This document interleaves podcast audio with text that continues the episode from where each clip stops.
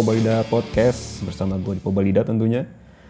Oke di episode kali ini uh, gue mencoba uh, sesuatu yang baru yaitu uh, gue lebih etis menyebutnya sebagai respon bukan review ya karena gue bukan ahli, gue bukan musisi profesional jadi gue kayaknya kurang pantas aja sebagai reviewer gue sebagai orang yang merespon aja deh gitu kan. Jadi gue mencoba merespon salah satu band yang baru saja mengeluarkan album, yaitu albumnya berjudul self-titled album. Jadi emang uh, album barunya dari band ini menamai nama albumnya dengan nama band mereka sendiri gitu. Itu arti dari self-titled gitu. Um, yang berjudul Era. E R R A yang bandnya obviously era juga karena self-titled album gitu. Um, jadi ini adalah album kelimanya dari era yang dirilis di tahun 2020. Jadi uh, era sudah mengeluarkan lima album. Yang pertama Impulse pada tahun 2019, terus Augment pada tahun 2012, kemudian Moments of Clarity uh, dan Drift pada tahun 2014, 2017, kemudian Neon 2018 dan self-titled album yang sekarang 2020. Berarti albumnya udah lebih dari 5 ya? Oh, oh sorry. Berarti yang uh, kayaknya momen of Clarity itu kayaknya mungkin EP kali ya. Soalnya setahu gue albumnya tuh Drift. Jadi uh, Impulse, Augment, Drift, Neon sama self-titled album yang tahun 2020 yang mau gue uh, respon. Sorry, bukan bukan buat gue review ya. gue bukan ahli di bidang musik secara profesional jadi gue bilang ini respon aja. Oke. Okay. Uh, gue udah denger semua lagu di album itu. Jadi di album itu ada 12 lagu. Uh, eh, 12 lagu ini uh, track pertamanya Snowblood, terus Gungrave, Divisionary, House of Glass, Shadow Autonomous, Electric Twilight, Scorpion Hymn, Lunar Halo, Venice Canvas, Eudolon, Remnant, dan uh, lagu terakhirnya Memory Fiction. Dari semua lagu di album ini, yang gue suka ya ini balik lagi sih, tapi menurut gue uh, emang kalau lu peng kalau lu emang into sama era karena lu emang pasti suka sama something that sound sounds metalcore gitu. Uh, expect lu terhadap metalcore apalagi uh, mereka melabeli band mereka dengan genre progressive metalcore. Berarti kan ini tuh groove dan progresif gitulah gitu. Tapi nuansanya ya tetap metalcore gitu. Mungkin progresi musiknya ya ala-ala progresif gitu. Mungkin lu akan suka uh, track pertama yaitu Snowblood, kemudian Gungrave, terus House of Glass sama Shadow Autonomous menurut gue ya. Sama uh, honorable mentionnya yaitu Divisionary. Nah jadi sebenarnya yang paling banyak direspon, di react orang-orang di YouTube yaitu Snowblood. Itu menurut gue emang itu lagunya uh, groovy terus clean vocals dari si Jesse Jesse Cash itu si gitarisnya. Kemudian uh, itu kayaknya kayaknya di album ini tuh uh, bisa bisa dibilang mungkin pertama kalinya si vokalis utamanya itu si JTKV itu benar-benar mengeksploitasi clean vocalsnya dia karena dia kan emang sebenarnya main vokalnya si band era ini uh, lebih ke growl ya. Si main vokalsnya itu growl scream. Tapi di beberapa bagian refnya itu si JTKV juga mengeluarkan si clean vocalsnya gitu. Nah di sini uh, di Snowblood ini tuh kombinasi clean vocals antara JTKV sama JCKS tuh bener-bener apa ya uh, ngeblend banget gitu si bagian ref di lagu Snowblood. Nah lo wajib banget dengerin track pertamanya di album self-titled mereka yang judul lagunya Snowblood itu bagian refnya itu uh, vokalnya GC Cash sama si GTKV benar-benar ngeblend banget. Itu menurut gua itu salah satu emang poin utamanya dari uh, era selain emang musiknya yang emang enak banget yaitu clean vocalsnya si Jesse Cash sih. Apalagi makanya pada saat Snowblood ini muncul orang pada kaget kan wah JTKV juga ikut nyumbangin clean vocals dan ternyata suaranya juga oke okay juga gitu. Ngeblend lah sama si suara bagusnya Jesse Cash. Jadi mantep banget lah bagian drive-nya. Terus yang gue suka lagi dari album Snowblood ini itu apa ya bener uh, mainin ininya banget mainin tempo banget. Jadi pas di awal-awal tuh eh, nggak uh, terlalu cepet uh, tapi ngegroove lah gitu. Nggak nggak yang rapet-rapet gitu ngegroove terus bagian ref juga masih ngegroove. Terus setelah ref tuh uh, balik lagi ke riff yang bagian awal ngegroove. Abis itu udah udah mulai mainin yang eksplorasi pakai uh, harmonic speaking gitu. Wah itu wah keren banget lah. Nah pada saat harmonic speaking udah pakai teknik mereka yang harmonic speaking itu itu riffnya udah beda lagi. Terus langsung dihajar sama breakdown. Nah breakdownnya itu tuh benar kaget banget tiba-tiba anjir di tengah-tengah lagu itu rapet banget gitu. Kayak nggak ada jeda. Biasanya kan kalau mau breakdown itu kan ada kayak uh, apa namanya ya kayak ada ancang-ancangnya ibaratnya gitu ya. Ancang-ancang menuju breakdown tuh kan kelihatan ya. Ini tuh enggak. Tiba-tiba dari yang riff riff yang yang emang yang gue bilang tadi itu yang ada pinch harmoniknya tiba-tiba langsung dihajar breakdown. Tapi emang nggak panjang sih. Mungkin cuma dua bar lah. Abis itu langsung balik ke ref lagi. Ref lagi tuh ngegroove lagi kan. Berarti kan temponya lebih pelan lagi dibandingkan yang pas bagian breakdown. Nah, lebih kagetnya lagi, setelah riff itu tiba-tiba solo gitar si Jesse Cash. Dan itu solo gitarnya lumayan panjang itu. Itu dan itu benar-benar teknikal banget dan benar-benar nunjukin kalau uh, Jesse Cash tuh sebagai sosok yang komplit lah. Udah suaranya bagus, main gitarnya juga bagus gitu di lagu itu. Itu solonya panjang banget dan semua teknik gitar tuh kayaknya dimainin di solo itu. Mulai dari tapping dari apa ya uh, alternate picking pastilah.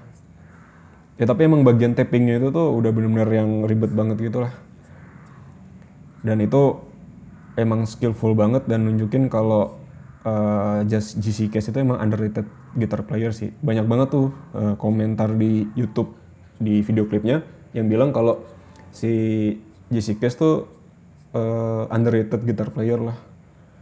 Jago banget sih. Waduh itu komplit lah. Jago main gitar terus vokalnya juga bagus. Nah setelah itu tuh setelah solo tuh langsung langsung dihajar dengan uh, riff yang bener-bener ngayun tapi dia ngegroove gitu loh. Nah itu menurut gua jadi nilai plus banget sih. Karena kan apa ya uh, ada beberapa orang lihat gue juga termasuk sih yang uh, bisa, bisa gitu. Kayak riff ini dia tuh temponya begini tiba-tiba pas ganti riff tuh temponya berubah tapi dia tuh nggak kerasa gapnya. Jadi nyambung aja gitu. Padahal tuh temponya beda progresi chordnya beda tapi itu tuh nggak menjadikan langsung timpang kaget gitu. Jadi uh, oh nyambung ternyata. Bisa disambungin langsung nyambung ke sini gitu. Padahal bagi dua bagian ini berbeda gitu. Nah menurut gue nih uh, bagian solo dan setelah solo tuh itu dua bagian yang berbeda tapi nyambung banget gitu. Nah bagian yang setelah solo ini dia tuh ngegroove kayak jadi drumnya tuh nggak yang cepet tapi uh, ngikutin si progresi chord dari gitarnya. Wah itu keren banget sih itu setelah solo keren banget. Nah yang riff setelah solo setelah itu uh, baru tuh build up tuh build up menuju breakdown yang paling akhir. Nah pas build up yang menuju paling akhirnya pun itu tuh itu kan ada bagian yang rada pelannya tuh. Jadi sebelum sebelum bagian yang breakdown di akhir yang keren parah itu menurut gue, itu benar-benar build upnya itu pelan-pelan sampai ke bagian yang paling cepet gitu. Jadi menurut gue ya uh, poin plusnya dari uh, mereka bikin lagu ini tuh benar-benar bikin si grafik dari uh, emosi dan temponya tuh naik turunnya itu tuh bikin di akhirnya tuh naik senaik naiknya tapi nggak langsung kaget gitu. Setelah solo build upnya itu tuh bertahap tapi benar-benar kerasa kalau wah ini bakal gila nih di akhir nih ini bakal gila nih. Langsung pas bagian solo eh pas bagian breakdown di akhir tuh langsung dihajar habis-habisan lah gitu. Itu lagu Snowblood banyak direspon sangat baik gitu oleh banyak reviewer di YouTube. Dan gue jujur dengerin era itu di tahun 2018 justru itu di album Drift itu. Itu pun cuma la beberapa lagu aja kayak Irreversible gitu aja. Mulai suka lagi tiba-tiba sama lagu Snowblood ini gitu. Jadi bener-bener uh, apa namanya? tanpa gua usaha kayak aduh gue pengen dengerin metalcore yang kayak gini lagi gitu kayak misalnya kayak era lah kayak Tesseract kayak Peri Peri kayak pokoknya sejenis gitulah tapi pas Snowblood anjir gue jadi langsung suka lagi sama yang kayak begini gitu. Jadi ini Snowblood tuh ya ditaruh di track pertama gitu kan. Ya kalau kayak misalnya lu buka Spotify gitu ya terus ada album era muncul self titled muncul lu klik play kan pasti yang di play kan track pertama. Itu langsung bikin lu bisa suka banget dan penasaran sama semua lagunya di album itu. Bahkan untuk pengen kepo sama uh, semua albumnya di era dan semua genre yang eh semua band yang ada di genrenya era gitu. Progressive metalcore gitu. Itu sedikit banyaknya membuka rasa suka lu sama aliran itu. Anehnya gitu sih. Itu apa ya? Ya itu efek lebih dari gue dengerin dari album era gitu. Dari album eh dari lagu Snowblood. Gue jadi kayak dengerin yang lain lagi yang serupa kayak gitu. Kayak dengerin peri-peri lagi kayak dengerin novelis lagi gitu. Ya nanti gue bakal coba ngerespon di episode-episode berikutnya novelis yang dari Prancis itu gue juga suka banget sih itu. Yang namanya sekarang jadi novelis FR gitu. oke jadi uh, itu kan tadi gue sebutin Snowblood Grand Grave House of Glass dan Shadow Autonomous gitu. Ya tapi yang gue benar highlight banget tuh emang Snowblood lah. Itu emang the best banget lah. Ya sisanya yang Gungrave, House of Glass dan Shadow Autonomous tuh uh, tetap ngegroove tapi kayaknya gue ngerasa album era yang sekarang itu dia agak lebih sedikit lebih pelan tapi nggak menghilangkan sisi groovy-nya gitu.